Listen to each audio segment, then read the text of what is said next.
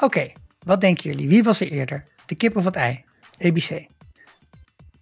It's a loop. It's a loop. It's a continuous loop. Uh, Esther, you're growing, growing an egg, so... Zeker. Ik voel me eigenlijk een soort ei de hele tijd. Of, of voel, nee, wacht. Ik voel me een kip met een ei in zich. Oh mijn god, hier gaat het al helemaal fout. Ehm, ja, nee, inderdaad. Het is een loop. Er is geen antwoord op deze vraag. Of heb jij dat wel, Sikko? Ik denk het ei. En het is gelegd door iets wat slightly looks like a chicken. Ja, dit is de, de dinosaurus van jou. Precies. Dit is de Vierkante Ogen Show, de popcultuurpodcast van dag en nacht. Vanaf deze maand is HBO Max als streamingsdienst eindelijk beschikbaar in Nederland. Daarom bespreken we een aantal van de beste series die daarop staan die je nu moet gaan kijken. En vandaag is dat Watchmen. Dat doen we met mijzelf, Sikko, Esther en onze speciale gast ABC. ABC, wat fantastisch dat je er bent. Luisteraars kennen jou onder andere van de dag en nacht collega-podcast Dipsaus. En je hebt toen een super interessante bonusaflevering gemaakt in 2020. Dat is echt lang geleden, dat is een COVID geleden. Met Dr. Mattis Ranella. Hoe kijk je daar nu op terug? Um, nou, uh, allereerst wil ik zeggen, dank jullie wel dat jullie mij uh, als gast of als tafeldame, hoe noem je dat in de podcastwereld, uh, dat ik bij mocht schrijven. Ik vind het echt heel erg leuk. Ik ben ook sowieso een super fan van jou, Sikko, maar we kennen elkaar ook al heel lang. Long time ago. Um, ja, ik heb. Ik moest het gewoon helemaal weer opnieuw bekijken, because I. It was too long ago. En ik kijk echt veel te veel series, waardoor ik gewoon echt op een gegeven moment gewoon de grote, in, in grote lijnen weet ik, maar ik weet de details niet meer.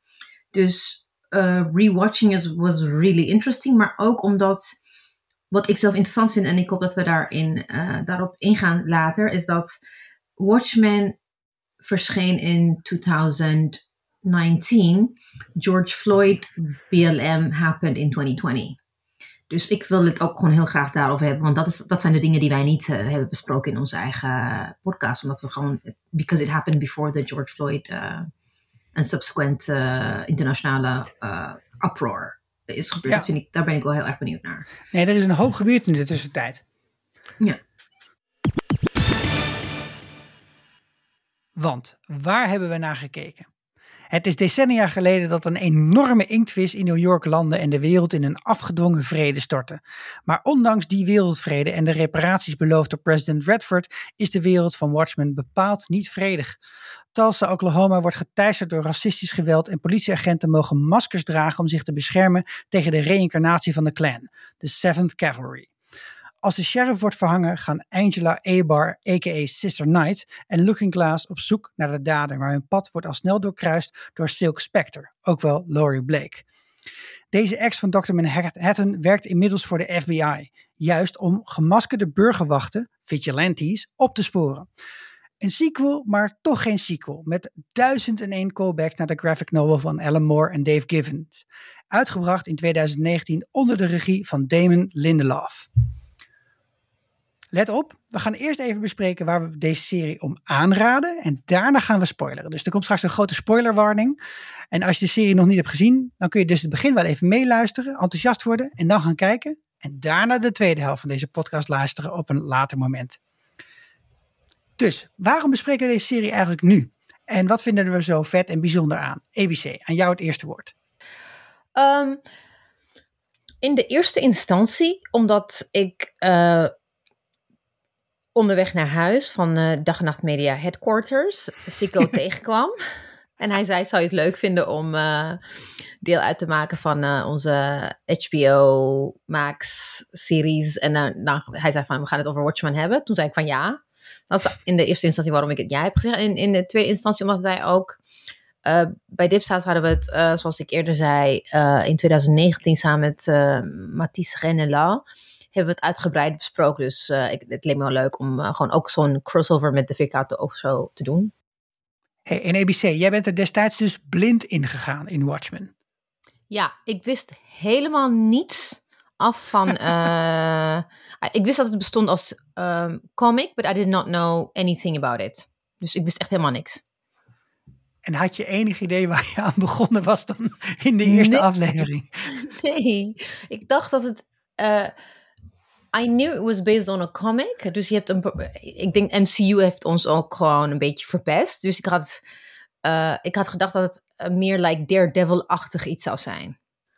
Dat was mijn enige verwachting. Was like, okay, it's gonna be like Daredevil. That, that was it. Dus toen in de uh, eerste aflevering ineens uit, het niets gewoon de squid started falling. Ik dacht, what? The, what is going on? Ik snapte er echt helemaal niks van. Maar ik vond het wel echt heel erg leuk. Cool. En Esther, jij bent natuurlijk wel echt een, uh, een superhero fangirl. Hoe was dit voor jou? Ja, maar ik moet zeggen dat ik eigenlijk weet hetzelfde had als ABC. Dat ik niet zo heel veel wist van. Uh, ik ben natuurlijk niet een groot comicboeklezer, ook niet van de Marvel comics. en ik dacht, oh, een superhelden serie. Uh, het zal wel inderdaad een beetje de Jessica Jones of. Um, nee, dit was nog voor, voor alle Marvel-series eigenlijk. Uh, dus het was meer, hey vet, een serie over superhelden. En ik was ook echt blown away door gewoon de heerlijke weirdheid van deze serie. Nou moet ik zeggen dat een andere favoriete serie van mij, eh, ik heb hem volgens mij ook al best vaak genoemd, staat ook nu allemaal op HBO Max, is The, The Leftovers. Mm. Dat is gemaakt door dezelfde maker. En daar vind ik ook heel leuk aan, dat er heel vaak hele rare dingen gebeuren, die ook nog eens vaak in, het, in de serie zelf als normaal worden ervaren, waardoor je zeg maar als kijker juist echt denkt, ben ik nou gek? Is, is dit raar? Ja. Wat precies natuurlijk bijvoorbeeld die squid scène ook is, dat iedereen gewoon doorgaat met leven en dat je denkt, hoezo denken mensen niet, wat de fuck is dit? Pak oh. alleen... Pak wat spullen om een auto schoon te maken. Ja. ja. Um, dus, dus precies die, die weirdheid die ik in de leftovers heel fijn vind, die zit hier ook in. En die maakte wel echt dat ik na één aflevering wat dat betreft heel erg hooked was. Maar ook dat ik dacht, wow, not what I expected. Ja, en, en de maker Damon Lindelof heeft ook Lost gemaakt. Dus misschien niet helemaal irrelevant om te noemen hier. Nee, goeie. Want voor sommige mensen is dat nogal een turn-off. Ja, ja, maar het zijn misschien de laatste seizoenen. Maar die eerste seizoenen zijn natuurlijk ook wel precies dit. Gewoon hele rare dingen. Um, ik wist dus niets van... Uh, I don't know about the backstory about de, de maker. Ik heb Los niet gekeken, ik vond het irritant. uh, en het feit dat iedereen erover, erover ging praten, dacht ik van ik doe lekker niet mee. Dan heb ik ook zes seizoenen volgehouden met Game of Thrones, maar daarna heb ik wel gekeken. Knap. Ah, ah. Ik, ik dacht van, omdat iedereen zo lyrisch over was, dacht ik van ja, kom op jongens, ik, ik doe daar niet aan mee. Maar met Watchmen heeft het echt te maken met mijn tijd. Uh, my, I, I watch, um, I follow, watch. People watch TV, I watch Twitter. Um, ik heel veel, ik volg veel Black Twitter. En dan met name Black American Twitter. En iedereen had het erover. Over Watchmen. Maar ook bijna alle critici. Like TV en cultural critici waren allemaal lyrisch. Dus dat maakt het voor mij interessant. Aan de ene kant dacht ik van oké, okay, het feit dat like the entire spectrum of white American TV critics allemaal lyrisch over waren, dacht ik van oké, er moet iets mis mee zijn, dacht ik. Van, ze waren allemaal van, it's the best show about race, dacht ik. Eh, dat is voor mij een soort van red flag. Maar ook, het was also Black Twitter. Dus toen ik begon te kijken, Nederland, niemand keek. Dat heb ik ook in, in onze eigen podcast gezegd. Niemand was aan het kijken. Ik dacht van, wat is, waarom, why am I the only one watching this weird show? Dus, dus dat, dat, maar pas toen ik Mathies daarna sprak voor onze eigen show, toen I heard about inderdaad Lost en The Leftovers. En dat hij een bepaalde manier van um, filmmaking en cliffhangers en weirdness. Dat oh. Soort van, uh, ja. ja, ik bedenk me nu ook dat uh, er was inderdaad niet heel erg een buzz in Nederland in die tijd. Maar een van de redenen dat ik het ook ben gaan kijken is dat een van mijn favoriete YouTubers die over Game of Thrones YouTubed, toen Watchmen reviews ging maken. En ik toen ook dacht, oké, okay, dit is blijkbaar in Amerika best wel een ding. Ik kijk eens een aflevering. Was het Preston Jacobs? Ja, of Alt-Shift X. Volgens mij was het Alt-Shift X. Ja, die heeft er twee filmpjes over gemaakt. Die zijn wel goed ook. Ja. Maar Sikko... Who these uh, people? Ja, dit is, dit is Game of Thrones YouTube. Dat is weer een heel, heel, heel andere bubbel. Universum. ja. Uh, maar Sikko, jij hebt, het, jij hebt het niet toegekeken, toch? Nee, nee, nee. Ik was echt heel blij dat we een maandje HBO Max gingen doen. En dat ik eindelijk de tijd had en het moment en de reden om dit te gaan kijken. Want het zijn natuurlijk wel negen afleveringen van een uur of zo. Dus je moet wel een goede smoes hebben om dat dan snel te kijken. Um, Maar mijn origin hierbij zit veel eerder in die zin. Niet dat ik probeer de original te spelen hier of zo. Maar een van mijn favoriete films toen ik wat jonger was dan ik nu ben, was V for Vendetta. En uh, dat was om meerdere redenen, maar vooral omdat het een hele aparte donkere film is. En toen heb ik daar de graphic novel van gekocht. En toen kwam ik erachter dat die geschreven was door Alan Moore. En Alan Moore is ook de schrijver van The, Killer, Killing Joke, van Batman, maar ook van Watchmen. En dus heb ik dat, die kom ik ook gekocht. En heb ik mij heel erg verbaasd over wat ik in vredesnaam aan het lezen was. Echt oprecht. Want het is ook, het is echt een psychedelische comic. Dus dat daar ook een psychedelische serie uitkomt, is niet heel erg vreemd. Ik vind eigenlijk dat de film die is gemaakt van Watchmen veel te ja, cheesy is en veel te, echt veel te weinig recht doet aan hoe ongelooflijk ingewikkeld en intellectueel de, de novel eigenlijk is. En um, ja, ik heb deze serie dus, dus net gekeken en het is gewoon heel vreemd om dit te kijken in 2022, terwijl deze serie uit 2019 is, waar ABC het net ook al een beetje over had. En ik heb het ook dat, ik heb ook even opgezocht van wat vindt Alan Moore er nou van. maar Alan Moore is echt, die, die, dus, hij noemt zichzelf bij tijd en wijle grappend, maar ook niet grappend een wizard. Hij is iemand die heel, heel erg afgezonderd leeft. En hij heeft dus een hekel aan mensen die zijn werk verfilmen en die series maken van zijn werk. Hij heeft eigenlijk een beetje de, de anti-houding uh, uh, tegenover uh, fantasy van jongens, maak eens even, godverdomme, je eigen verhaal voor de verandering. In plaats van dat je mijn verhalen gaat zitten jatten. Ik weet ook nog steeds niet, ik heb dat niet kunnen vinden, wat hij nou precies hiervan vindt. Maar dat is waarschijnlijk omdat hij gewoon weigert het te kijken. Oh. En, en Alan Moore is iemand die hele donkere dingen maakt. Maar ook uh, met Watchmen destijds een novel heeft geschreven die de draak steekt of hele grote vraagtekens zet bij het concept superheld. Dus wat daar toen de smiley met het bloed erop was eigenlijk, zeg maar, smiley is comic, bloed erop is, daar klopt iets niet aan, er is iets niet goed mee. Dat is in dit in deze serie ook weer, heeft weer een nieuwe dimensie gekregen, dan, maar nu in de vorm van het ei. Dus als je dit gaat kijken, let op eieren. Dat is het enige wat ik je meegeef hiervoor.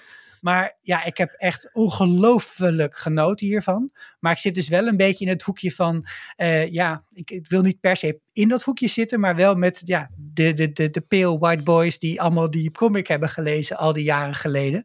En uh, dat, dat, ik, ik proef ook al dat daar een spanning zat in deze serie. It's interesting you said uh, wie, voor, wie. Ik ging hem even verwarren met Frank Miller. Die ook drie, 300, 300 en ook nog iets anders. Echt van die ja. dark noir uh, comics maakte. Ja, nou het is niet zo gek dat je het verward, want uh, Watchmen is ook door Zack Snyder volgens mij verfilmd, die ook 300 heeft gedaan. Dus daar zitten inderdaad wel allerlei soorten links. Maar ja, dit is echt iets, dit is echt een novel, want hij wil ook niet dat je het een comic noemt en zeker geen graphic novel. Het is een novel. Het is ook een van de 100 beste novels ooit uitgebracht, vindt New York Times volgens mij. Maar dit is echt een think piece. Dat is wat Alan Moore ervan vindt. Dus degene die dat dan gaat verfilmen, die moet wel ergens mee op de proppen komen zetten, zeg maar. Ja, we, gaan straks aan het eind van de aflevering het ook hebben over, nou ja, misschien nog wat, wat meer hierover. Dus we gaan het zo gewoon met spoilers over de, de serie hebben. Maar ik dacht misschien nog heel even, dus de pitch om dit te gaan kijken. Ja, de pitch. De pitch. Uh, even denken of ik die nu lekker eruit kan rammen. Maar dat is wat mij betreft Um, je houdt van. Uh, um, nou, het, het, is niet eens echt fantasy in de zin van dat. Het is wel in onze wereld, zeg maar. Uh, maar er gebeuren wel rare dingen. Er zijn superhelden, maar het is ook niet. Uh, het draait niet helemaal om de klassieke superhelden. Nou, daar gaan we het straks over hebben. Zoals Marvel dat doet. Dus juist misschien ook als je denkt: superhelden shows. Zou ik toch uh, proberen er een, een aflevering van te kijken. Misschien ben je dan toch wel totally hooked. En het gaat dus ook om hele relevante thema's. Zet je aan het denken. Uh, het is best wel filosofisch. Uh, en heel weird. Gewoon echt raar. Ja. Dat is mijn pitch. Kan iemand daar nog overheen? Ja, als iemand er, als iemand er overheen wil, voordat we spoilers uh, gaan Nee, je hebt, het, je hebt het heel goed. En ik vind, it's also like, it's really, het zit heel goed in elkaar. Oh ja, uh, of course. dat, dat zie je pas... Acteurs. Ja, en dat zie je pas in, with the second, toen ik het voor de tweede keer ging bekijken, ging ik juist heel veel details die ik eerder heb gemist, going in it blind eh, eh, begon ik. Het zit echt gewoon ook de, de, de, de way eh, hoe de film geëdit is. Het is echt gewoon echt ontzettend goed Ja. eh, gedaan. Muziek. En in Muziek voorbereiding ook. heb ik ook geluisterd naar de, eh, de officiële Watchmen podcast. Want die heeft HBO natuurlijk ook. En eigenlijk is het leukste om te luisteren naar de aflevering die gaat over de mensen die in de writers room hebben gezeten. Die niet alleen een diverse writers room was voor de verandering. En daar hebben ze ook echt wel hun best voor gedaan. Geven ze in ieder geval zelf aan. Maar wat ik eigenlijk nog belangrijker en interessanter daaraan vond, was dat ze de afspraak hadden. Iedereen moet dit een cool idee vinden. Dus ook al duurt het tot half acht vanavond dat we hier zitten om erover eens te worden dat dit een coole insteek is, dat gaan we wel doen. En normale, zeg maar, die, die, die, zeg maar, die writers rooms, dus eigenlijk het schrijfteam, normaal is dat toch wel een beetje hiërarchisch van degene die de baas is, die is gewoon de baas. En dat hebben ze heel expres hier niet gedaan. Dus ze zullen wel fouten hebben gemaakt in het schrijven, gaan we het ook wel over hebben, denk ik. Maar misschien, waarschijnlijk geen major mistakes, juist omdat iedereen gewoon moest tekenen voor dit is het script. En dat merk je gewoon heel erg. En dus die acteurs, Regina King heeft hier een Emmy voor Oh. gewonnen. Eh Yaya Abdul-Mateen heeft hier een Emmy voor gewonnen. Jeremy Irons, Emmy genomineerd hiervoor. Eh, Jeremy Irons zit ja, erin. zit erin serieus. en heeft ook echt, echt. de rol van zijn leven echt serieus. Mijn god. Oh, Ja. Dus nou ja, ik hoop dat deze, dat deze pitches van ons je over de streep trekken om nu te gaan kijken. En dan straks de tweede helft te luisteren. Want vanaf nu komen er spoilers.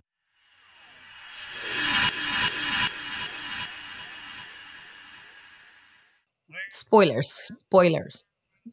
Spoilers.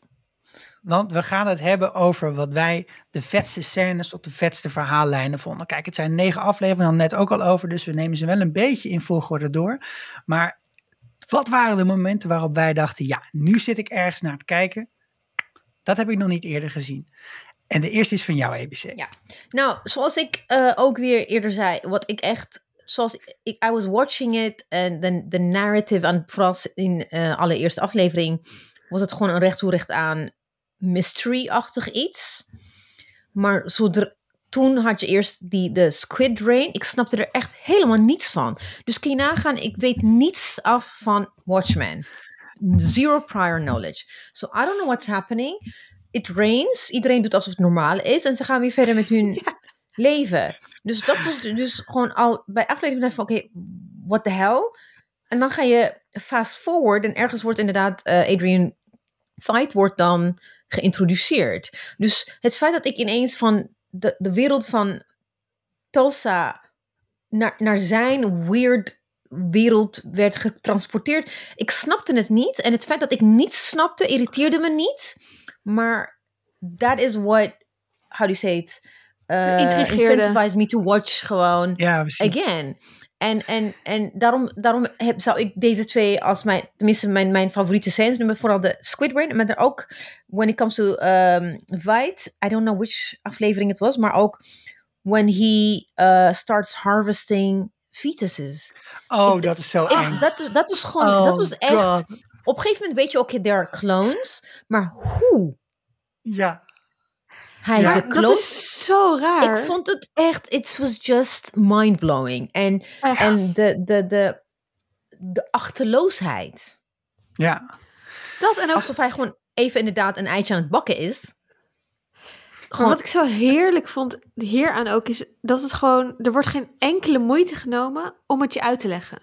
Nee. Het is gewoon, oh, we gaan gewoon door. En uiteindelijk in die serie je leert er wel meer over. Ik bedoel, het wordt nog steeds niet echt 100% verklaard, maar nou ja, soort van dingen. Maar gewoon, ja. Ja, er is wel een verklaring.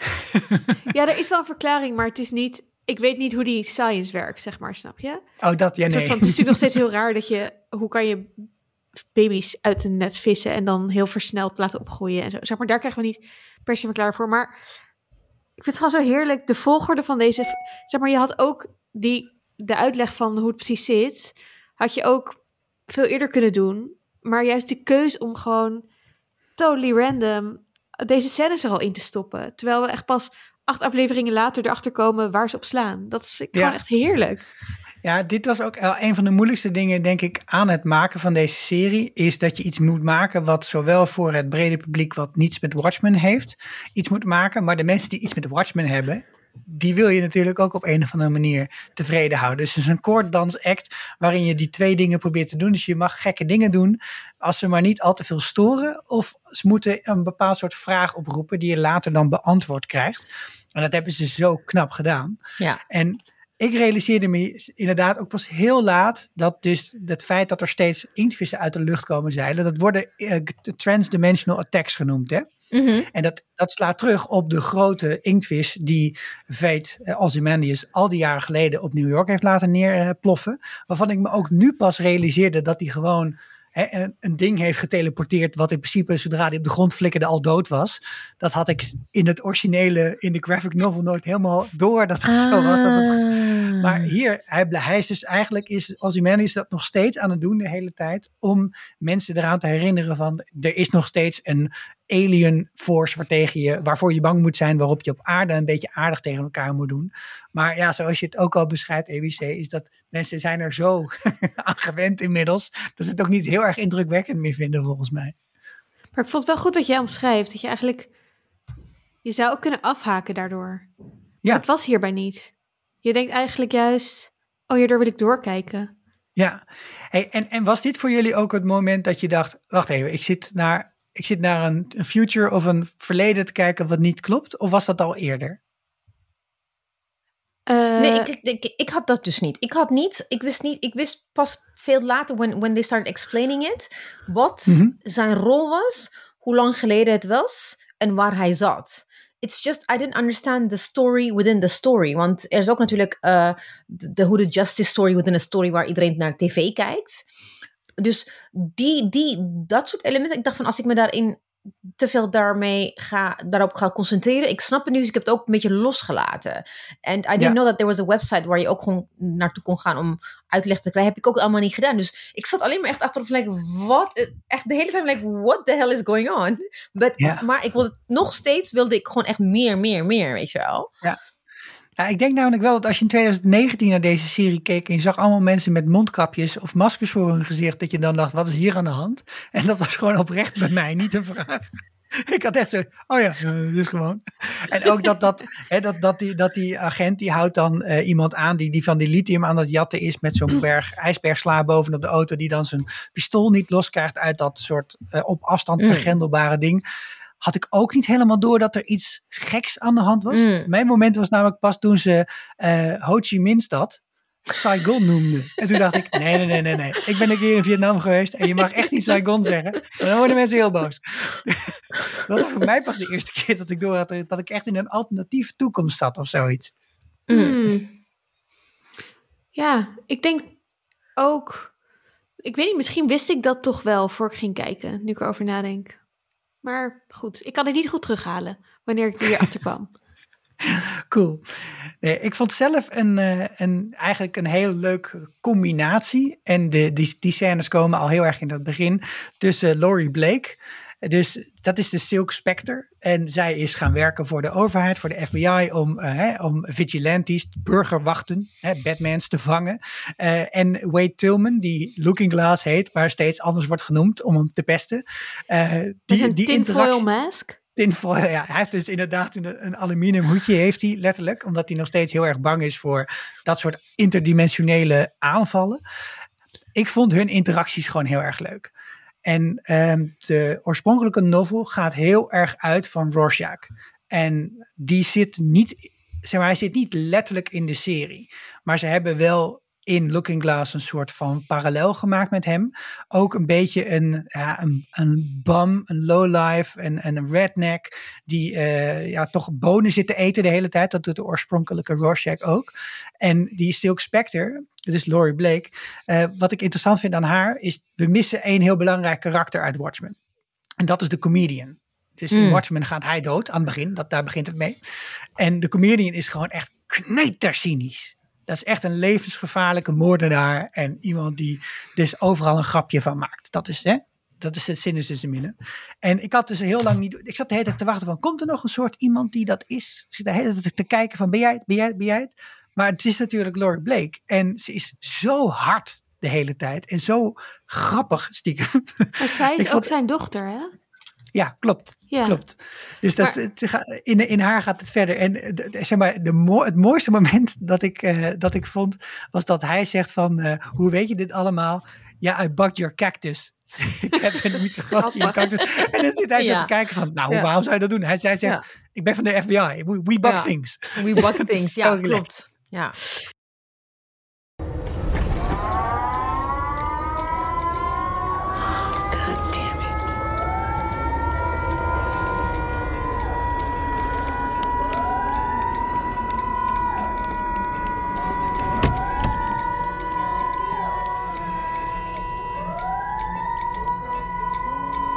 False slip.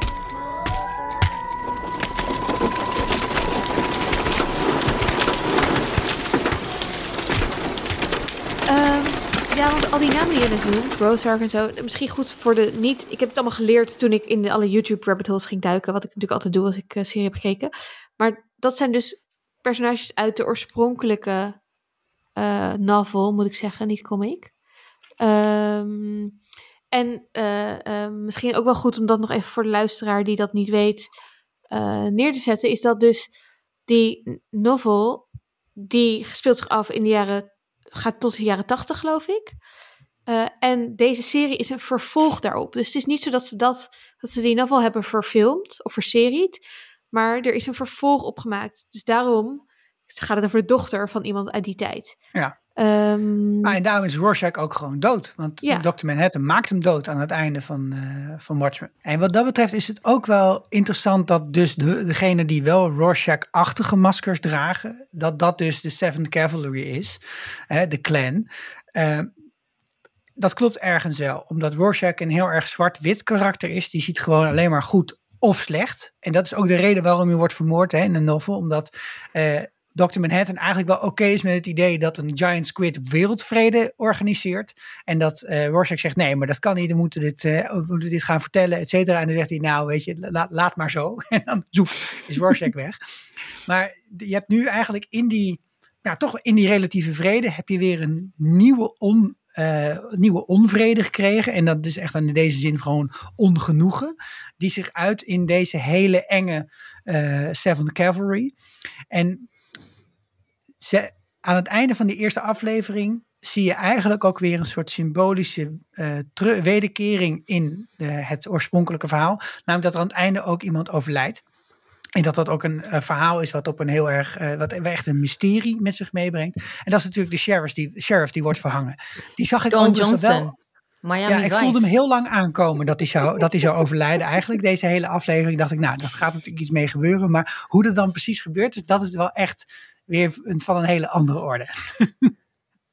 ja, er zat ook nog een leuke musical verwijzing in van Oklahoma. En een nummer dat ook gaat, heet iets van The Hmm. Judd is Dead of zo. Nou ja. Goed, voor de musical nerds. Ik moet hem even noemen voor mijn fans. Die, of de fans die luisteren, die altijd mijn musical references gewend zijn. Ehm, iets wat ik heel leuk vond, en het is een heel klein deel, maar het is voor mij super exemplarisch voor hoe, wat ik vind aan Watchmen, is de scène in de vierde aflevering met Lubeman. Dus ah, Angela die gaat eh, eh, allemaal spullen dumpen eh, die, eh, die die Reeves heeft aangeraakt. Zodat ze al het bewijsmateriaal, eh, eh, eh, dat zij de waarschijnlijke moordenaar van eh, eh, de, de eh, ch- chief die we net hebben, waar we het net over hebben gehad, eh, dat ze die heeft gesproken, die gaat ze allemaal dumpen. Er, dus ze staat op een of ander viaduct en dan draait zich om en dan staat er een gast helemaal in een soort eh, zilveren pak. Echt helemaal ook zijn gezicht, helemaal erin. En het is natuurlijk in een tijd waarin superhelden, eh, de- de- die mag je juist niet zijn. Dat zijn de vigilantes. Dus zij ziet die gast aan. Ik snap ook dat ze sowieso denkt, wat is dit voor weirdo? Maar goed, ze Ja, gaat hem achtervolgen. Eh, en hij heeft een riem om met erin blijkbaar allemaal flesjes olie of zo. En dan rent hij zo recht op een doodlopende straat af. Dan spuit hij die flesjes leeg over zichzelf.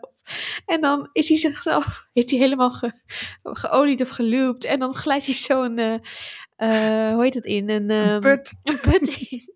En het werkt. En hij is weg. En deze valt scène... bovenop it. Ja, en we, we krijgen nooit meer context. Er is gewoon geen reden dat deze scène erin zit. Er is geen verklaring wie dit was en wat er is gebeurd. En dat vind ik zo heerlijk. er is wel context, want op Wikipedia gaan we misschien zo nog even over hebben, maar er is een soort van website om deze serie heen gebouwd met uh, allemaal worldbuilding dingen erin, net zoals J.K. Rowling nog steeds dingen op Pottermore blijft plaatsen over Harry Potter. Over allemaal zo, zo leuk vinden. Uh, maar goed, nee, dit is veel leuker natuurlijk. Dat je, zeg maar, de losse eindjes van de serie worden daar een beetje uh, nog, nog in afgerond af en toe. En daar staat wel een of ander dossier in van een of andere uh, FBI-agent waar Laurie volgens mij mee samenwerkt. Die had dan op zijn desk allemaal flesjes olie staan. Dus het zou kunnen dat dat Oeh. deze man is. Dat een verwijzing. Ja, ja.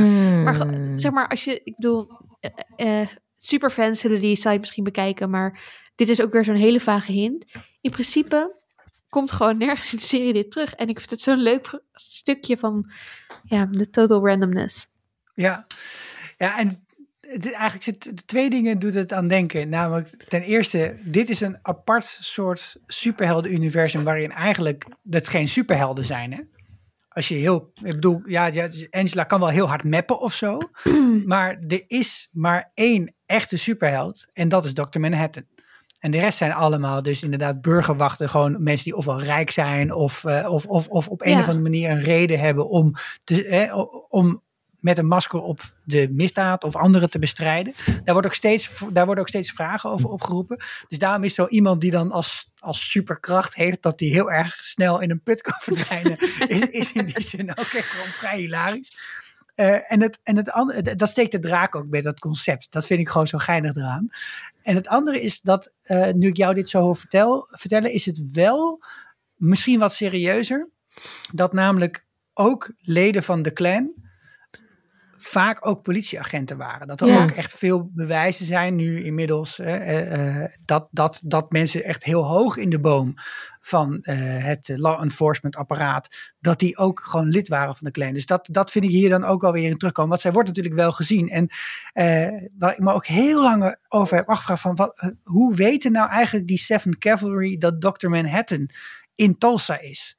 Want iedereen denkt dat hij op Mars is. Maar dat wordt aan het eind wordt dat toch duidelijk? Het wordt uitgelegd. Ja. ja. Want wat was er aan de hand? Uh, toen tijdens de White Nights, uh, ja? toen uh, heel veel cops en hun families vermoord werden, toen one of the Seventh Cavalry, they were, they were in Angela Abar's house and then they shot her. And when they shot, hoe heet die? Oh, wait, wait, Cal. Cameron Cal, Cal, Cal ja. ja.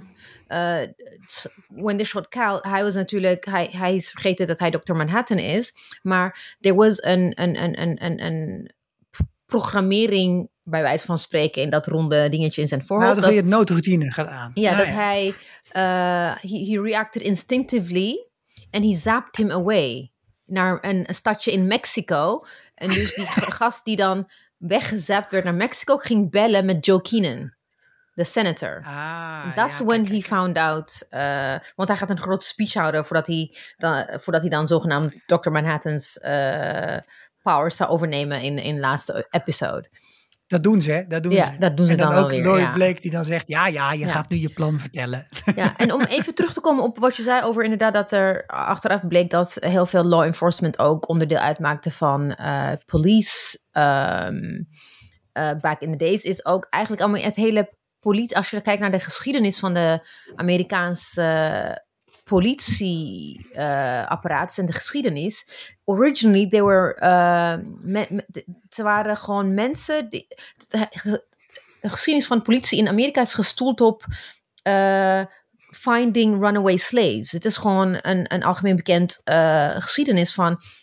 Het gaat terug naar people who were hunting for uh, runaway slaves. Dus dat is die, die Oh, link ja. met politie en, en, en Black Lives Matter en police brutality. Het gaat echt terug tot, tot in de uh, tijd van slavernij. Dus het is op zich uh, dat, dat, dat er dat heel veel mensen die onderdeel maken van de politie ook gewoon uh, KKK-lid. Het verbaast me niet, net zoals heel veel politiemensen waren aanhangers van Trump.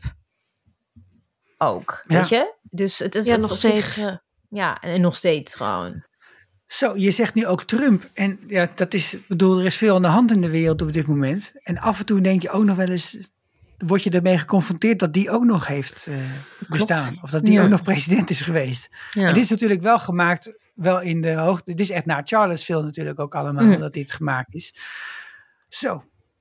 Ja, ik, ik kan alleen even zeggen dat dat plaatst de zaken weer even in perspectief. Mm.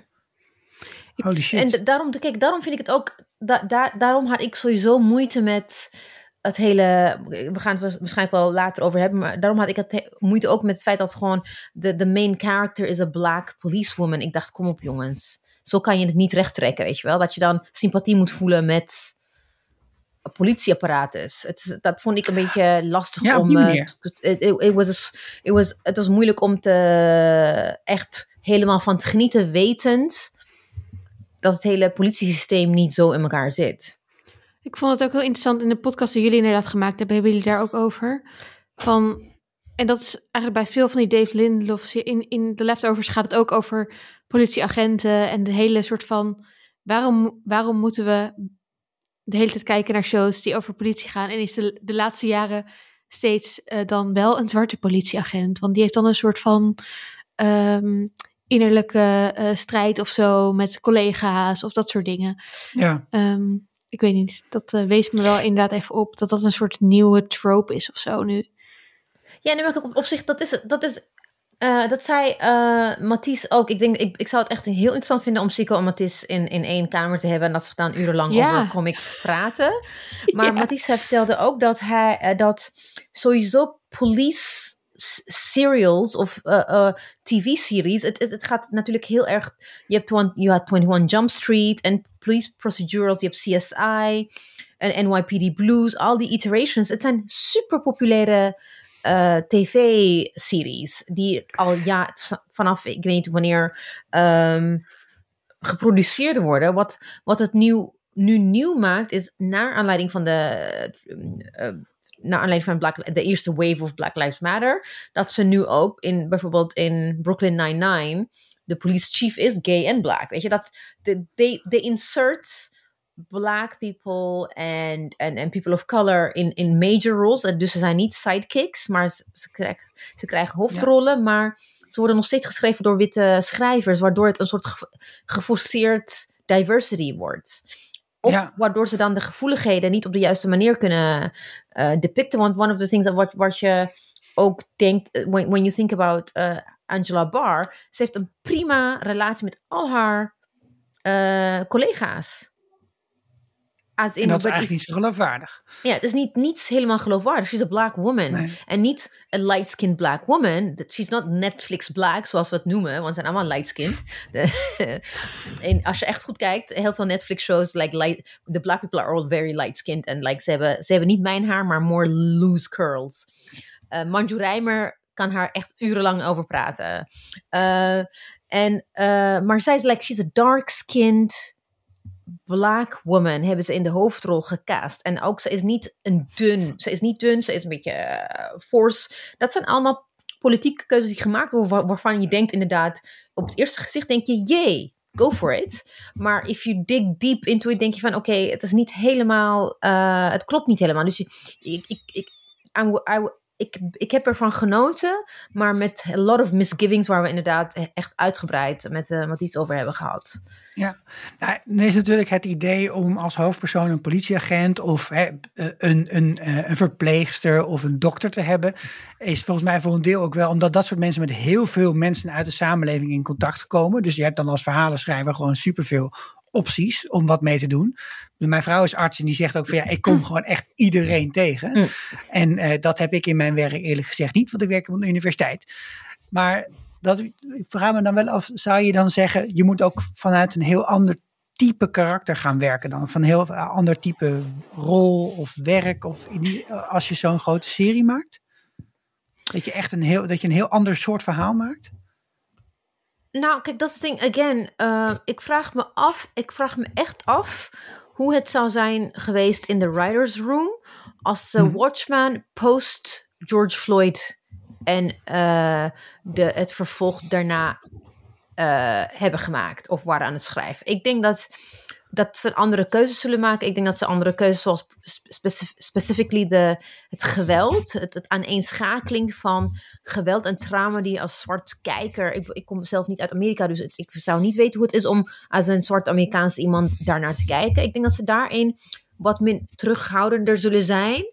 Dan, Mhm. dan, dan ze waren geweest in 2019. Eh, net zoals bijvoorbeeld, eh, I think, eh, de, de gratuitest eh, geweld tegen vrouwen in Game of Thrones. Ik denk dat ze, naar aanleiding daarvan, hoop ik, denk ik, dat HBO andere keuzes maakt. Het blijft ook een HBO-show, dus je moet, dat shock value moet er elke keer in.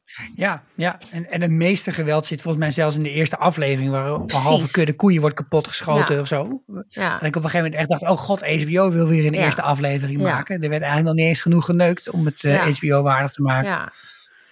Dus maar wel dat, grote piemels, bla bla bla. Precies, exactly. And those are things waar, waar ik meteen gewoon dacht van... oké, we zijn, we zijn weer, weer rehashing eh, de oversexualization van zwarte mannen. Black men and their big dicks, weet je. Het is zo cliché dat ik dacht van... waar zijn jullie mee bezig? Het maakt niet uit hoe diverse het is. Ze gaan ze vervallen toch in, in, in clichés zonder na te denken over de consequenties. En ik vraag, dus ik, ik, Ja. ik snap dat niet dat er in 2019 zo'n show is gemaakt if with a diverse writing. uh, Ja, want zelfs een van de schrijvers was zwart en had een Ja. moeder die ook een zwarte politieagent was. ja, Dus ik ben eigenlijk wel ook een beetje verbaasd in hoe jij, eh, in de, wat ik nu hoor van jou. Dat ik denk, ja, dat, dat die persoon dan misschien toch wel moeten invullen. ja, misschien dat, kijk, dat, dat, de dat- groep. maar dat is het ding. Maar dat kijk, het feit, er zijn ook heel veel zwarte politiemensen natuurlijk.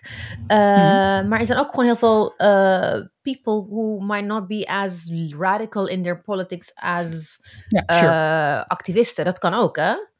Ja. Dus eh, eh, dat, dat kan ook een rol spelen. Want eh, ook weer een kenner die dan echt onwijs... eh, Mathies, eh, ik, ik, ik heb echt heel veel geleerd in die ene aflevering die we gemaakt hebben. Hij zei ook van, weet je, in, in het origineel eh, novel... eh Dr. Manhattan is a god, dus hij hoeft het niet te hebben van zijn grote piemel. Het was gewoon klein. Het was, het was niet een onderdeel. Eh, het maakt geen onderdeel uit van, van, van zijn, zijn, zijn grootheid. En eh, dat kan ik feit- overigens bevestigen. Ik heb hem hier op tafel liggen. Hij is niet zo groot. ja, dus as a result, het feit dat ze dan they choose a black to, a black person to depict het huidige versie van Dr. Manhattan en dan als je daarna ook nog full frontal big dick van maakt en het is Yahya Abdul Mateen, Ma- Ma- Abdul Mateen, he's like the finest specimen walking this earth. Hij is echt gewoon zo knap, het is gewoon ridiculous. Ja. En, en dan doe je, weet je, dus toen dacht ik van, en ook met die dildo Excalibur, eh, die, Ja, de blue dildo. blauwe. Uh, het, is echt, het is echt gewoon white female fantasy van een zwarte man met een groot. Weet je, ik, ik, vind, ik vind dat dat best wel. Ik, was- ik vond dat. In de, when I was watching the first time, was best wel shocking. Nu, al die shock value was weg, omdat ik het al lang heb gezien. Ja, maar het blijft wel, gewoon. wat jij ook in het begin zei, dat liberal Twitter hier heel erg positief over was. En ik kan me heel goed voorstellen dat heel veel mensen die, eh, nou ja, gewoon witte mensen denken, oh, dit is een show die heel goed juist eh, deze thema's behandelt. En die nuances helemaal niet zien of zo, wat natuurlijk juist een probleem is. Ja. Ehm, Dus ook dat je zegt dat dat soms best wel een eh, red flag kan zijn. Ehm, ja, ik kan me iets bij voorstellen.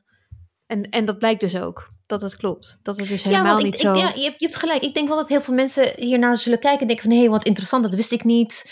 Eh, inderdaad ook de Tulsa Massacre.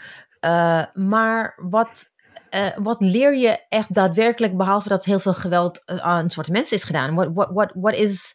There is no critiquing behalve... That was bad and now we're trying to do it good, weet je wel. Dus ik vind dat... Terwijl die, die, die tropes van uh, oversexualized black men wel erin blijft uh, hangen. Dus dat, dat, dat, de subtleties of, of race en racism en ongelijkheid blijft er gewoon in staan. En dat vind ik jammer. Ja, en dat wordt eigenlijk versterkt. Ja. Uh, en daar heb ja. Nee, ja. Ja, en een, een soort van tegenreactie die er natuurlijk ook in zit, heel erg door die Keen uitgesproken, die senator, is op een gegeven moment ook van, uh, ja, en jullie hebben ons laten boete doen en we hebben hè, de Redfordations, dus een soort van reparaties richting de zwarte bevolking, van dat, dat hebben we ook maar moeten sjoegen en nu zijn wij, en dat is het, het slechtste wat je kunt zijn, is een witte man. Dat is een soort van de culminatie van wat een bepaald soort, eh, wat in ieder geval een bepaalde groep ook in de huidige samenleving voelt. En omdat dat ook heel erg uitvergroot wordt met een bezoekerscentrum en een boom waar je je hele stamboom in kunt zien en of je dan geld kunt krijgen, ja of nee. Op een gegeven moment ga je bijna denken van, is de bedoeling nou om hier te denken dat je daar niet te ver in moet gaan, want anders krijg je zo'n tegenreactie. Wat, wat wil je nou eigenlijk precies zeggen? Daar zat ik op een gegeven moment wel een beetje met mijn ogen te knippen. Ik dacht, ik weet niet of ik dit verhaal nou uh, die, zeg maar, de juiste moraal vind hebben. Want al, alhoewel ik mij dan als witte man niet per se direct schuldig voel daarover, wil ik er wel kennis van nemen en wil ik ook erkenning voor geven. En wil ik daar ook uh, op, als, als ik er iets aan kan doen om een groep in deze samenleving zich beter te laten voelen, dan wil ik dat graag doen. En nu doe je net alsof als ik dat doe, dat dat dan weer zo'n rare tegenreactie onherroepelijk op gaat roepen. Dat vond ik eigenlijk best wel eng aan dit verhaal. En misschien nou, is het zeg maar, is het ook wel realistisch of zo, maar ik vond het wel uh, spannend. Nou, kijk, ik dacht juist dat ze. De, de, de link die ik juist legde, was dat eigenlijk de backlash dat je had. Uh, Trump was de backlash op de verkiezingen van Obama. En ja. wat die Joe zegt, zegt, zegt Jordan Peterson ook, daar is hij gewoon groot mee geworden. Dus ik dacht meer dat ze een soort van reflection aan het, parallel aan het trekken waren met wat er in Amerika gebeurde, eh, waardoor Trump uh, uh, president werd. Dus dat, dat was meer die link. Dus ik vond dat niet zo raar, omdat ik dacht van, oké, okay, they were just trying to make it more actueel. Mm -hmm zo, zo heb ik het in ieder geval uh, ervaren. Omdat al, alles wat die John zei, zeggen mensen gewoon. Zeiden mensen van, ja. uh, the worst thing you can be now is a een, een, oude witte man. Nederlanders zeggen het ook. In de kranten ja. en in, in, in, in, in, in, in de kranten op Twitter. Dat that is what a lot of people say, weet je wel. Ja, ik vind het knap dat je dat kunt zeggen als je gewoon de wereld om je heen ervaart zoals die is. Dan, dan heb je hem in ieder geval nog niet ervaren zoals iemand anders hem ervaart. Laten we daar uh, dit stukje dan even mee afsluiten. Uh, want we gaan even door naar de volgende uh, scène die nou ja, ook weer zo mind-boggling was. En dat is, dat is een begin van een aflevering die begint bij een, een echtpaar waar wordt aangeklopt door Lady True. En die heeft een heel simpel voorstel, namelijk dat ze hun land wil kopen en hun huis. En we weten nog niet waarom dat is aan het begin van de scène. Maar we, hebben wel, we merken wel dat ze zich goed heeft voorbereid. Want ze heeft, jawel, een kind voor ze gemaakt. Holy Mother of Jesus. Van hun eigen DNA. Van hun eigen DNA, omdat ze ooit in een kliniek zijn geweest. En ze krijgen drie minuten om te tekenen. Ze tekenen en dan crasht er iets in de achtertuin. Het duurde bij mij vrij lang voordat ik door had wat dat was.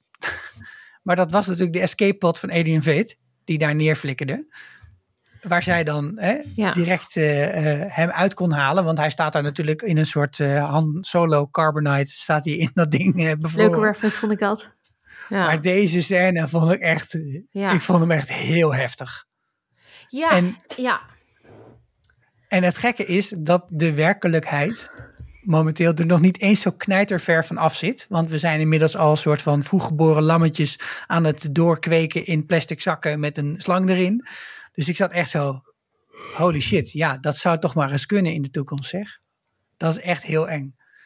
Hoe keken jullie naar deze scène? Ja, ja, ja weird. Esther. Nee, ja, ik, ik vond het raar ook. Gewoon op een leuke manier.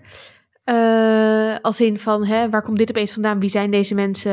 Um, waarom gaat dit een nieuwe verhaallijn worden? Want dat, dat denk je nu ook bij, bij alles. Ja. Um, maar daarna hebben we ze ook niet meer gezien. Ik vond het heftig het moment dat ze zei: Ja, je hebt drie minuten om te beslissen, want anders vernietig ik haar. En dan daarna zo: Grapje, nee hoor, ik zoek wel een familie voor haar. Wat? Maar goed, ik ben natuurlijk ook zwanger, dus ik kan, kan dit soort dingen nu helemaal niet aan. Um, maar inderdaad, ja, weer een hele bijzondere scène. Ja, het ding is, ik, ik, ja, ik vond dat, ik denk omdat Wijd al geïntroduceerd was. En she was also another weird person. Eh, omdat ze zich zo raar gedroeg, heb ik alles wat ze deed, dacht ik van ja, het zou, weet je, that you, I was already. Ik geloofde die worldbuilding. Dus ik vond dat niet eens zo shocking. Ik snapte alleen niet niet van, nodig daarvoor. Ja, en, en toen dacht ik van, oké, what is she doing? Inderdaad, van waar is ze nou mee bezig? Want ik weet, is- was het nou voor of na, nadat we erachter kwamen dat eh, Fight was eh, cloning people by fishing in the lake? Weet ik eigenlijk niet. Ehm, dat vind ik een goede vraag. Weet ik ook niet Het zit zeker. heel erg dicht bij elkaar in de buurt. Ja, misschien Ja. was het wel in dezelfde aflevering dat het een soort Ja. van ik heb, creation. ik heb wel ook de aantekening dat haar dochter, die Been, dat ik Ja. ook dacht van, oh, dat is een kloon van haar. Weet je wel, Ja. iedereen is klonen. Maar Ja. dat was dan een kloon van de moeder. Maar ik dacht van, nou goed, we zijn nu zo aan het klonen. Iedereen is kloon van elkaar. Daar ging ik een beetje van uit. Ja. En, en, en Lady True, wat vonden jullie van haar, van dat karakter? Ik had niet zo heel veel met haar eigenlijk. Ehm, ik vond het. ehm, ik was wel heel erg geïntrigeerd. Wat is nou haar rol? Omdat je van veel mensen wel op een gegeven moment een beetje weet aan welke kant ze staan of zo. Mhm. Of soort van, moet ik voor deze persoon cheeren of niet? En bij haar dacht ik steeds, aan welk team hoort zij bij? Ja, ik denk al met al. Het was een interessant karakter, Lady True. En er zat ook een interessante verhaallijn aan vast. Maar het was er wel eentje die had je nog wel kunnen schrappen. Ze zochten naar iets wat echt leek op de oorspronkelijke Ozymandias. Hè, van we- ik verzin een soort van groot probleem en daarmee. Maar er was al een hele Seven Cavalry aan de gang. En weet ik dan niet meer dat ik op een gegeven moment ook dacht. Misschien is het nodeloos ingewikkeld door de- hierdoor. Hm, ja, eens. Next shot. Ja, eens. Ehm, ik denk dat eh, een van de dingen die we wel, we kunnen er niet omheen, is dat is dan eigenlijk de origin story van eh Who the Justice. Oh, ja. En ook eigenlijk vigilantism. Ja. En dat, dat komt terug in, eh, in de zesde aflevering. Wanneer Angela, dus voordat ze gepakt wordt door de FBI, because of the bugged cactus, eigenlijk. Eh, die dan, Laurie komt haar dan arresteren, gaat ze dan een hele fles nostalgia pills van haar ehm, grootvader Will, gaat ze dan eh, innemen. En waardoor ze dan echt zijn hele trauma gewoon, en geschiedenis eigenlijk gewoon eh, gaat herbeleven. Ik vond dat, ik weet niet wat jullie ervan vonden, maar ik vond dat bij de first watching vond ik het too much. Heel erg van oké, racism, Ku Klux Klan, uh, the news. It's just like, it's echt een aaneenschakeling van trauma porn.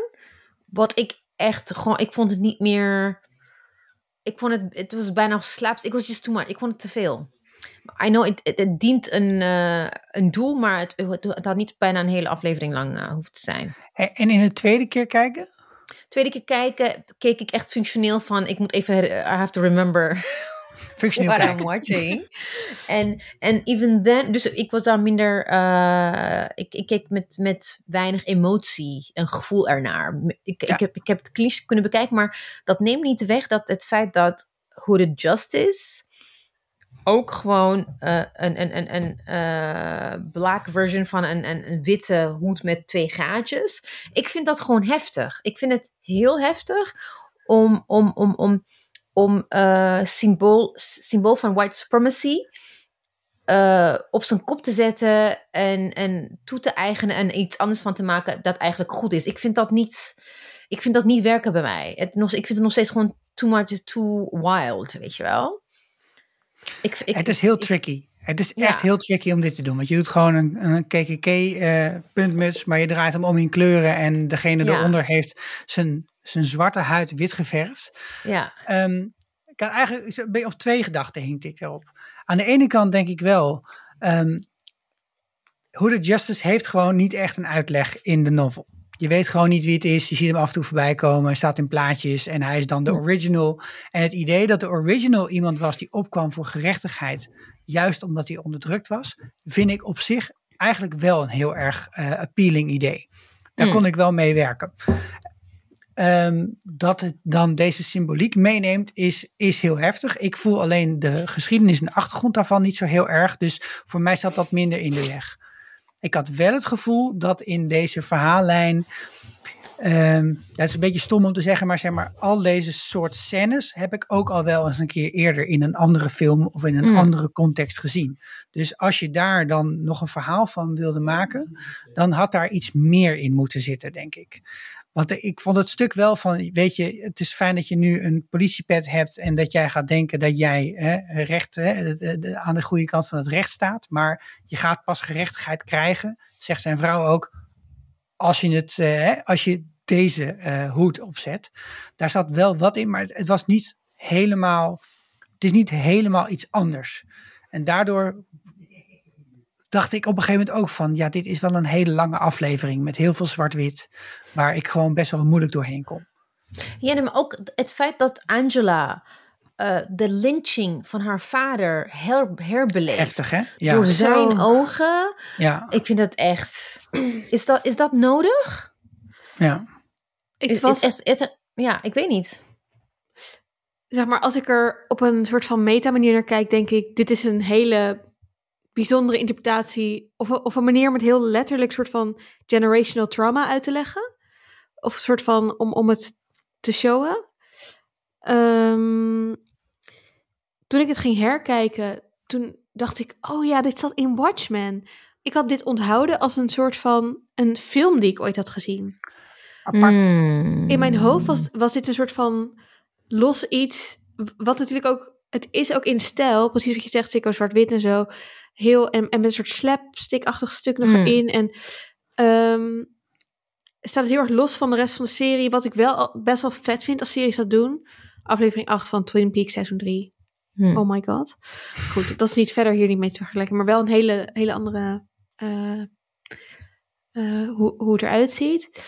Ehm, en het deed me ook bij het herkijken denken aan Lovecraft Country.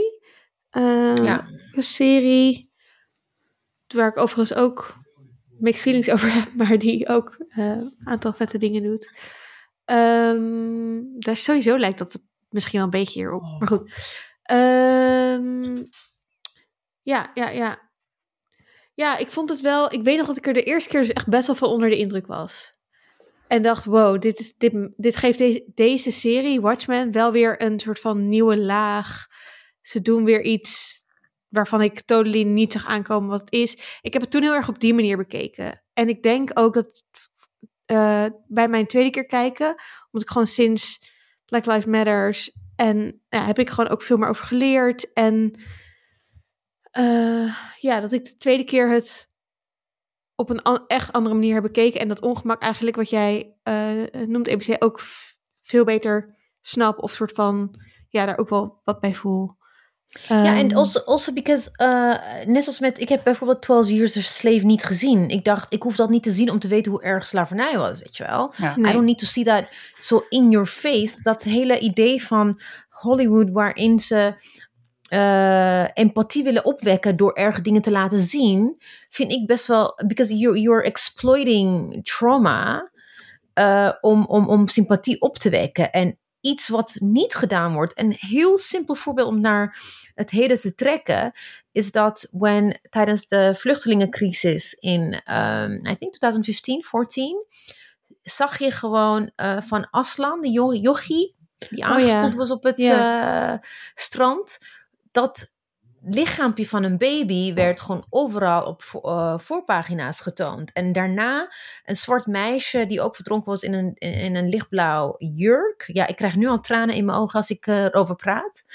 Helemaal, she was uh, swimming in the water. En dat, dat zijn allemaal gewoon black and brown bodies, letterlijk, worden gebruikt om sympathie te tonen. Maar je zag, ik, je zag niet het lijk van een dood Oekraïner, zag je niet op uh, voorpagina van uh, Volkskrant of NRC, snap je? Dus whose trauma is used for empathy and shock value and whose isn't? En ik vind dat het feit dat er gewoon nog steeds voor empathie, om empathie op te wekken van mensen die te ver van je afgaan, dat je echt, echt dat lijden moet. Ik, vind, ik snap dat, ik begrijp het gewoon niet. Ik, ik snap. Nee. Niet dat dat nog steeds gewoon eh, gebeurt. Dus ik, daarom vind ik het gewoon best wel heftig om.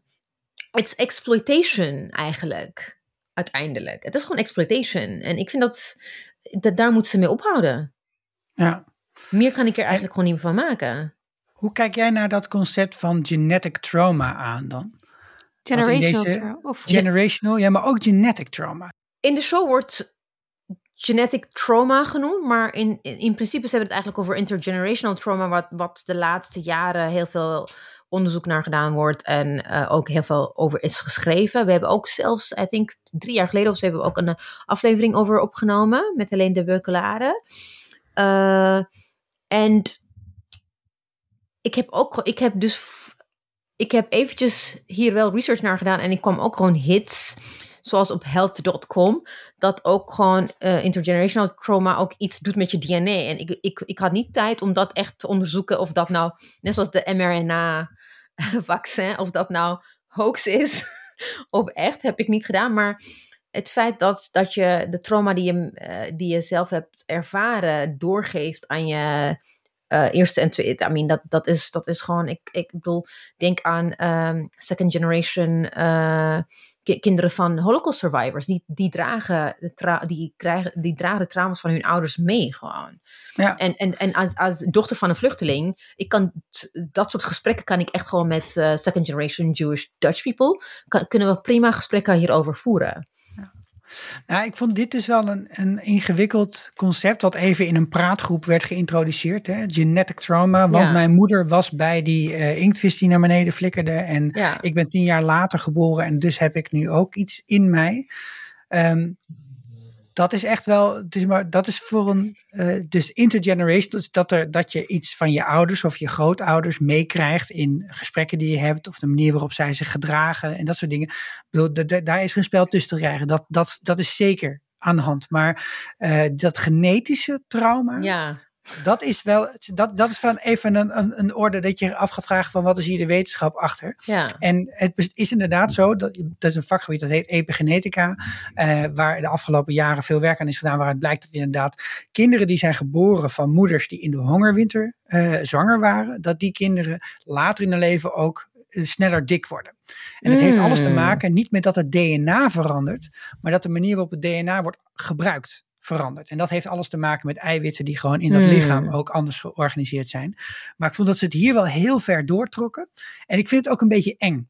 Want je zou Ja. ook daar conclusies uit kunnen trekken van, oh ja, maar dat zit nou eenmaal in jouw bloed. Of dat zit nou Precies. eenmaal in jou. En toen dacht ik, oeh, ja. je, je, je introduceert hier iets tijdens een EE-meeting, of Ja. wat het ook is, wat echt wel eh, verregaande consequenties heeft als je dat heel serieus gaat nemen. Want, nou ja, eh, los, er, los van de vraag of het ook kan, waarvan ik nu eventjes eh, ga eh, dubbeltje laat vallen naar nee, zo werkt het niet. Maar wie weet dat we ergens nog ooit achterkomen, vond ik het wel echt een heel heftig concept om zomaar even klakkeloos erin te Ja. gooien in aflevering 7.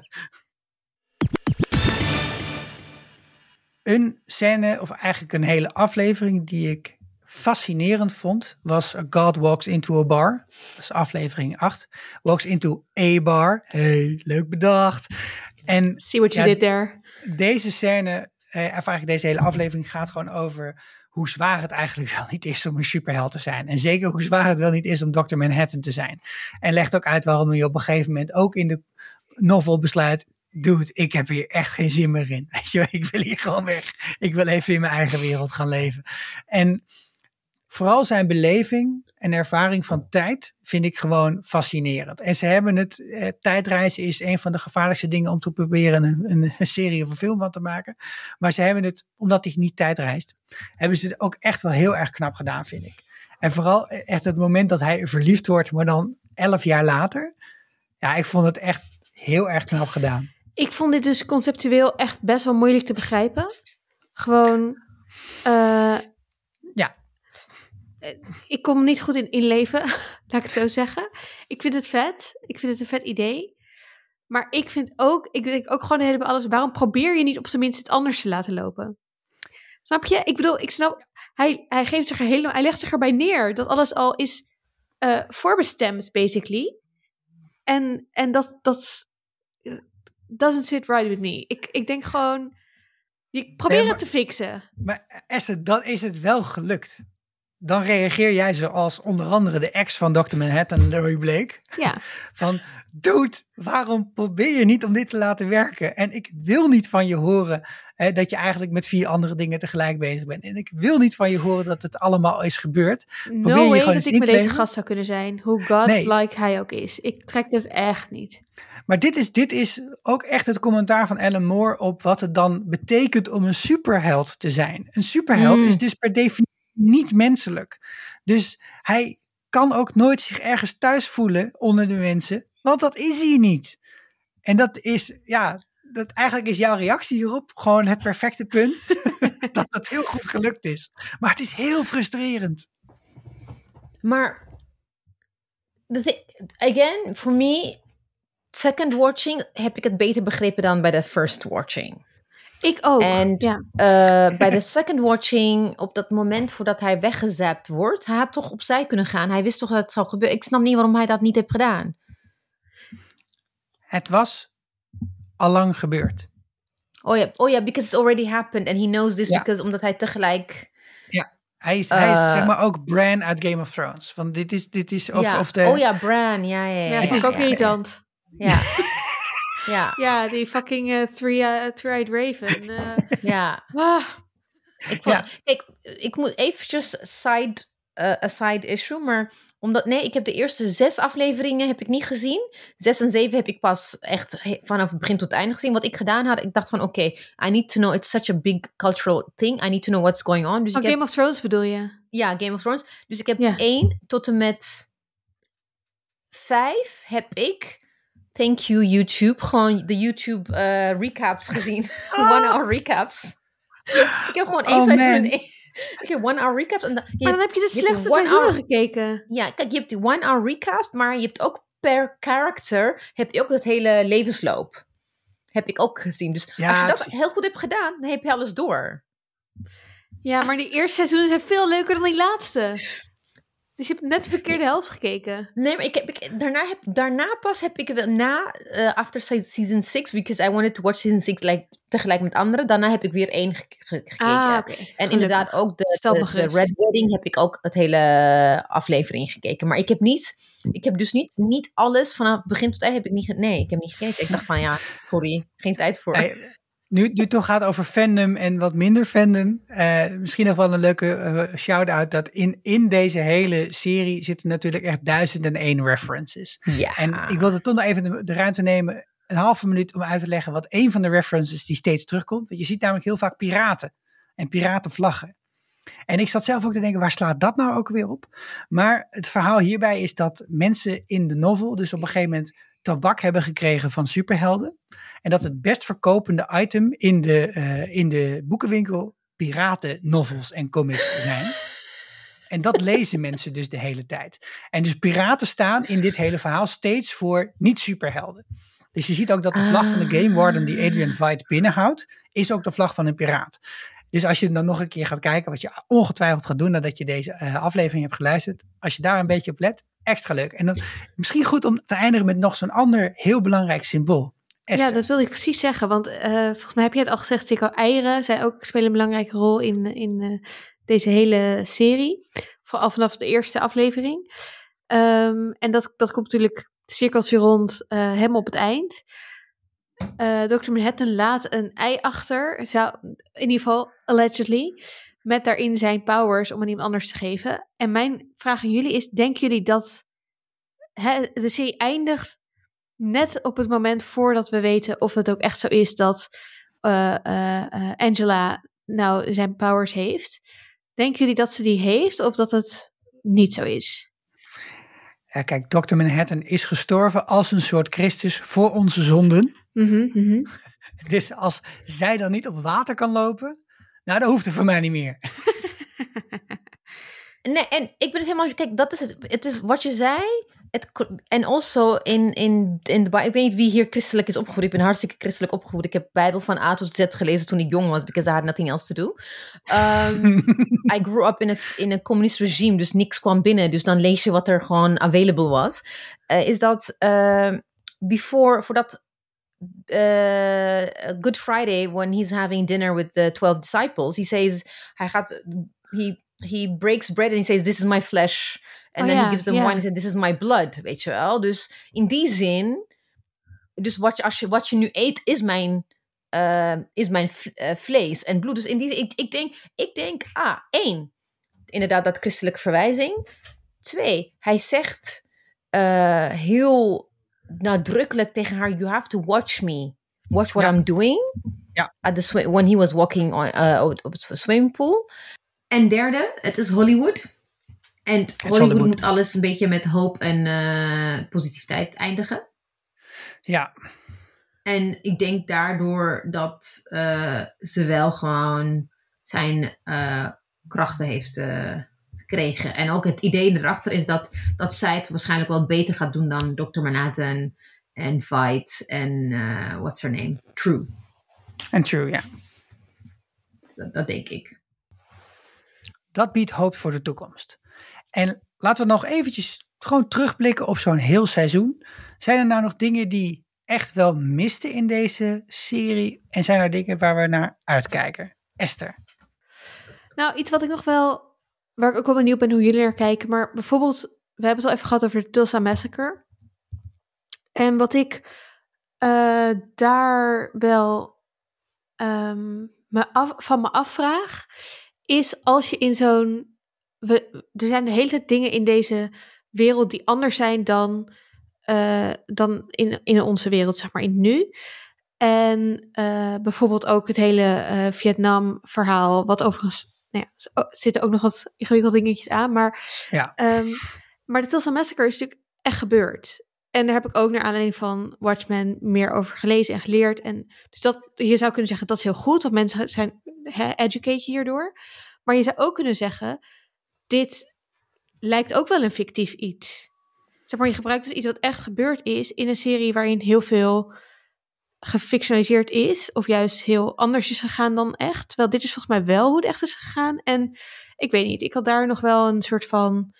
Dat, dat is wel, vind ik, een dikje gevaarlijk in dit soort series. Maar goed, hier hebben we het natuurlijk net ook al een beetje over gehad.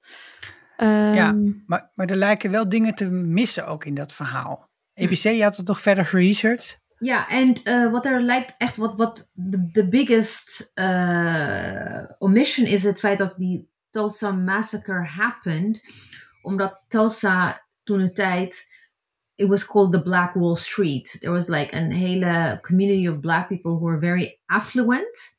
En het was aan het groeien.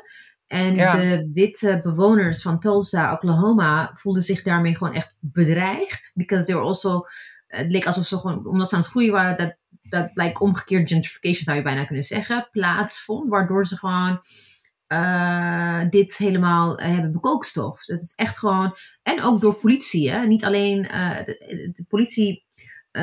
mannen hebben ook al meegedaan aan, aan, aan de massacre. En ik denk, wat ik ook wel, als ik me goed kan herinneren, wat ik ook met Mathies had besproken, is dat, en een soort van de tinderbox was het feit dat een witte vrouw had gezegd dat ze verkracht wordt door een zwarte man. Dat is Ja, ook een verzinsel. Which, was, which is also echoes of, uh, of die bekende uh, Emmett Hill. Die bekende jongen die ook gewoon uh, is gedood. Dus ik vind, dat, ik vind dat ze dat wel beter hadden moeten uitleggen. Dat is gewoon helemaal niet uitgelegd. nee, dit zit er gewoon niet in. Nee. En ehm, wel als je naar dus die, eh, die soort nep Wikipedia die ze hebben gemaakt gaat, dat Wikipedia, dan kom je echt wel een hele documenten tegen die veel meer achtergrond uitleggen over wat hier aan de hand was. Maar wat dan nog steeds apart blijft, is dat dit ook heel vaak wordt genoemd de Tulsa Race Riots. Mhm. Wat ook een soort van de waarheid in het midden ligt van ja, er waren gewoon twee rassen die met elkaar aan het rioten waren of zo. Mhm. Dat is gewoon kanten. helemaal niet wat er is gebeurd. Ehm, misschien wel aan te bevelen de podcast Tulsa Burning van Blindspot, die hier helemaal over gaat. Echt heel in-depth gaat hierover. Maar ik dacht dus serieus dat dit iets was wat alle Amerikanen weten. Maar dat is dus helemaal niet zo. Want na deze aflevering gingen de Google searches op Ja. dit onderwerp ineens heel erg omhoog. En is er daarna dus ook een podcast over gemaakt, et cetera. En ja, er zit dus wel een grote omissie dat, dat het verhaal wat ABC net vertelt er niet in zit. Maar het heeft in ieder geval wel ergens toe geleid. Dus de, soort de, de, de, de, de, de good is veel kleiner dan de bad, denk ik in dit geval. Maar dit, dit heeft wel heel veel mensen wakker geschud van. "Yo, Dit is wel even echt gebeurd in de geschiedenis. En dat doen ze een aantal keren daarna ook. Dat is bijvoorbeeld ook die flyers die op een gegeven moment langskomen met de Duitsers die dan zeggen van, eh yo, eh, je eigen eh, regering geeft niet eens iets om je. Die schijnen dus ook echt te zijn. Dat zijn echte serieuze flyers die in de Eerste Ja, Wereldoorlog zijn klopt. gemaakt. En wat ik wel, wat ik wel heftig vind, I think if I'm an, an Asian American looking at this, would totally feel differently. Want eh, Vietnam is, wordt gewoon een staat van Amerika. Ja, En, eh, en dat wordt helemaal niet verder uitgelegd. Dat wordt als een gegeven eh, gewoon gezegd van oké, we took over and then black people went there and they're living there. En dan worden de Vietnamese people als terroristen in plaats van vrijheidsstrijders neergezet. Ja. Maar vergeet niet ook, de, er wordt elke keer, eh, het heden wordt, it's just as opposed on, on, the, on het verleden, van wat er nu in het heden gebeurt. Ook bepaalde scènes zijn een, een weerspiegeling van wat de dingen die gebeurden in de, tijdens het Tulsa Massacre. En op een gegeven moment zie je ook die de vlammen opgaan. En, en het feit dat they used, they probably used uh, planes uh, to, to incinerate the, Ja. the- the- maar ik, de link die ik dan maak is met Apocalypse Now, Napalm, waar Vietnamese eh, burgerdoden zijn gevallen. En dat wordt, en die parallel wordt niet getrokken. En ik vind dat Nee. best wel heftig. En en het is een huge oversight om het wel over eh, dit kant van de geschiedenis te belichten. En, en het hele Vietnamkant een beetje onderbelicht wordt, terwijl heel veel Amerikanen anti-Vietnam War waren. Het is echt een beetje. Ja. Dus I think Asian Americans will think like, wacht even, we gaan gewoon nu niet hebben over het feit dat Amerika ook precies hetzelfde heeft gedaan later in Vietnam. Ja. ja, het is eigenlijk weer hetzelfde waar je net ook bij Hooded Justice ook eh, op wees. Is van, je gebruikt symbolen. En die symbolen zijn heel krachtig en ze helpen jou het verhaal te vertellen. Maar sta je voldoende stil bij wat dat voor de kijker van allerlei verschillende afkomsten en achtergronden eh, teweeg brengt? Ja, Mag ik nog één ander punt eh, noemen bij dit punt? Waar ik ehm, aan moest denken. Vorige week, toen werd Willem Engel opgepakt. Ehm, en daar stonden twee agenten bij die hem arresteerden. Want alles wat, wat hem overkomt wordt natuurlijk gefilmd. En die hadden allebei zo'n ehm, Ja, eh, sjaaltje om, zeg maar. En hadden ze Mm. helemaal over hun gezicht getrokken. Ze hadden eigenlijk basically een masker op. Ja. En dat hadden ze, denk ik, omdat eh, heel veel van de aanhangers van Willem Engel en een soort van, nou ja, die hele corona-gang, anti-corona-gang of zo, dat die heel erg eh, online eh, mensen aanvallen die tegen hen zijn. En dat die politieagenten dus niet het slachtoffer daarvan wilden worden. En daarbij moest ik, toen was ik, zat ik een beetje in deze rewatch. Ehm, we hadden het aan het begin over dat er best wel, nou ja, dat is ook voor Black Lives Matters, eh, George Floyd, et cetera, is gemaakt. Dat, en, en voor COVID en weet ik veel wat, ik weet niet. Het was echt zo'n momentje dat er mij weer iets klikt van, wow, we Mm. gaan ook wel dat beetje dystopische wat erin zit, daarvan zie ik nu ook dat soort dingen wel of zo. Mm, ja, Dat wilde ik nog even noemen als een, ja. ja, ding dat absoluut. politiegeweld. De politie is zelf ook in Nederland gewoon dat ook aan het doen, maar een soort van andersom is het ook een soort van ding. En ja, Ja, en ik, Ja. Dat, dat is wat interessant is. Like, dus politie, het staatsmono, de staatsmonopolie van geweld ligt bij de politie en bij de staat. Maar, eh, en zij vinden wel dat ze het recht hebben om ons allemaal te filmen en alles over ons te weten, maar niet andersom. Terwijl je, als politie moet jij je ook gewoon kunnen identificeren. You're, you, you verantwoorden. have to. En verantwoorden. Dus het is, het is inderdaad, it's a weird weird upside down world waarin, je, waarin we inderdaad gewoon leven. Het is echt, eh, het het- het is vast, ook als vigilantism kan je ook doortrekken naar juice channels. Weet je wel? Waarom zijn die juice channels er wel? Omdat vrouwen niet durven naar, naar, naar, naar buiten te komen. Dus ze gaan het via andere wegen, anoniem. Ja, het is niet veilig inderdaad om het, ja. Ja, het gaat om veiligheid. En, eh, maar daar kunnen we weer een, denk ik, een hele andere aflevering. Ja, sorry. Nou, ik wou net nog even zeggen, in me op. Ik dacht, ik, moet, eh, ik wilde dit nog heel veel Het is een hele terechte vergelijking, Ja, denk ik, absoluut. Esther. En dit zijn echt momenten waarop je in, in, in je onderbuik al voelt van hier klopt iets niet helemaal, maar ik snap niet precies waarom het niet klopt. En daar kun je inderdaad EWC nog een hele aflevering over maken. Ehm, Misschien kun je er ook nog wel een heel nieuw seizoen over maken. En ik was daarom wel benieuwd wat jullie denken. Hè, want David Lindelof, of sorry, Damon Lindelof zeg ik, die heeft wel. Die heeft tot nu toe nog niet aangegeven dat hij zin heeft om nog een volgend seizoen te maken. En de- er is ook nog niet echt een, een bus dat er eentje aankomt. Maar de vraag is dan misschien meer: zou het moeten? Of zou het mogen? Of zou het leuk zijn? Nee, ze moet het niet doen, vind ik. Ik, vond, niet. ik bedoel, we hebben het over best wel veel dingen gehad die heel eh, ingewikkeld of problematisch waren aan deze serie. En ze zouden kunnen denken, we gaan het nu nog een keer, soort van in seizoen 2, een aantal dingen wat beter uitleggen of beter doen. Mhm. Ehm, maar ik vond het ook aan de andere kant een hele vette serie. Ja, En ook juist omdat het gewoon rond is, soort van. En eh, ze leggen genoeg dingen uit in de zin van hè, over die eh eh Osman, Osmanius of zoiets. Of weet. Ozymandias. Ozymandias en Dr. Manhattan en weet ik veel wat. Dat ik satisfied ben in de verhaallijnen en, en, en de weirdness soort van snap van dingen. Maar het tweede seizoen zou ik echt zonde vinden. Ja, ik ook. Want ik denk dat als je, als je nog als je een seizoen eh, eraan gaat plakken, dan it's gonna jump the shark. Omdat al die oh my god, what's happening, die heb je al gehad. Dus er, er- any, any buiten, eh, eh, any rare dingen die komen, denk ik van ja, natuurlijk. Weet je wel, dan de, de world building was what made it really interesting. En, en misschien dat ze gewoon toegift doen, a Christmas special or something. Ja. Maar dat ze het daarna gewoon laten. Ik ben altijd voor een Christmas special. Ja. Vooral als het ook over kerst gaat. Ja. De, de, de cliffhanger hier was eh, voor sommige mensen eh, vergelijkbaar met die van Inception. Ja. En Oh voor ja. sommigen zal die vergelijkbaar zijn met eh, de gemiddelde Matrix. of een andere film waarvan je denkt, er moet wel een vervolg op komen. Ik weet het eigenlijk ook niet. Ik vind het wel super interessant en leuk. Deze hele donkere variant van superhelden. Waar Ja. DC gewoon wat beter in is dan eh, de Marvel Cinematic Universe. En ik zou graag nog zoiets kijken. Maar ik ben het wel met jullie eens dat het, eh, dat, dat het niet zo heel erg, zeg maar, dat het misschien heel erg veel afdoet aan deze serie als je er dan weer nog een seizoen van maakt. Dus we gaan het wel zien. In de tussentijd, kijk het vooral lekker nog een keer terug met de kennis die je vandaag hebt opgedaan. Luister dan zeker ook de aflevering van Dipsaus uit januari 2020, heb ik even opgezocht.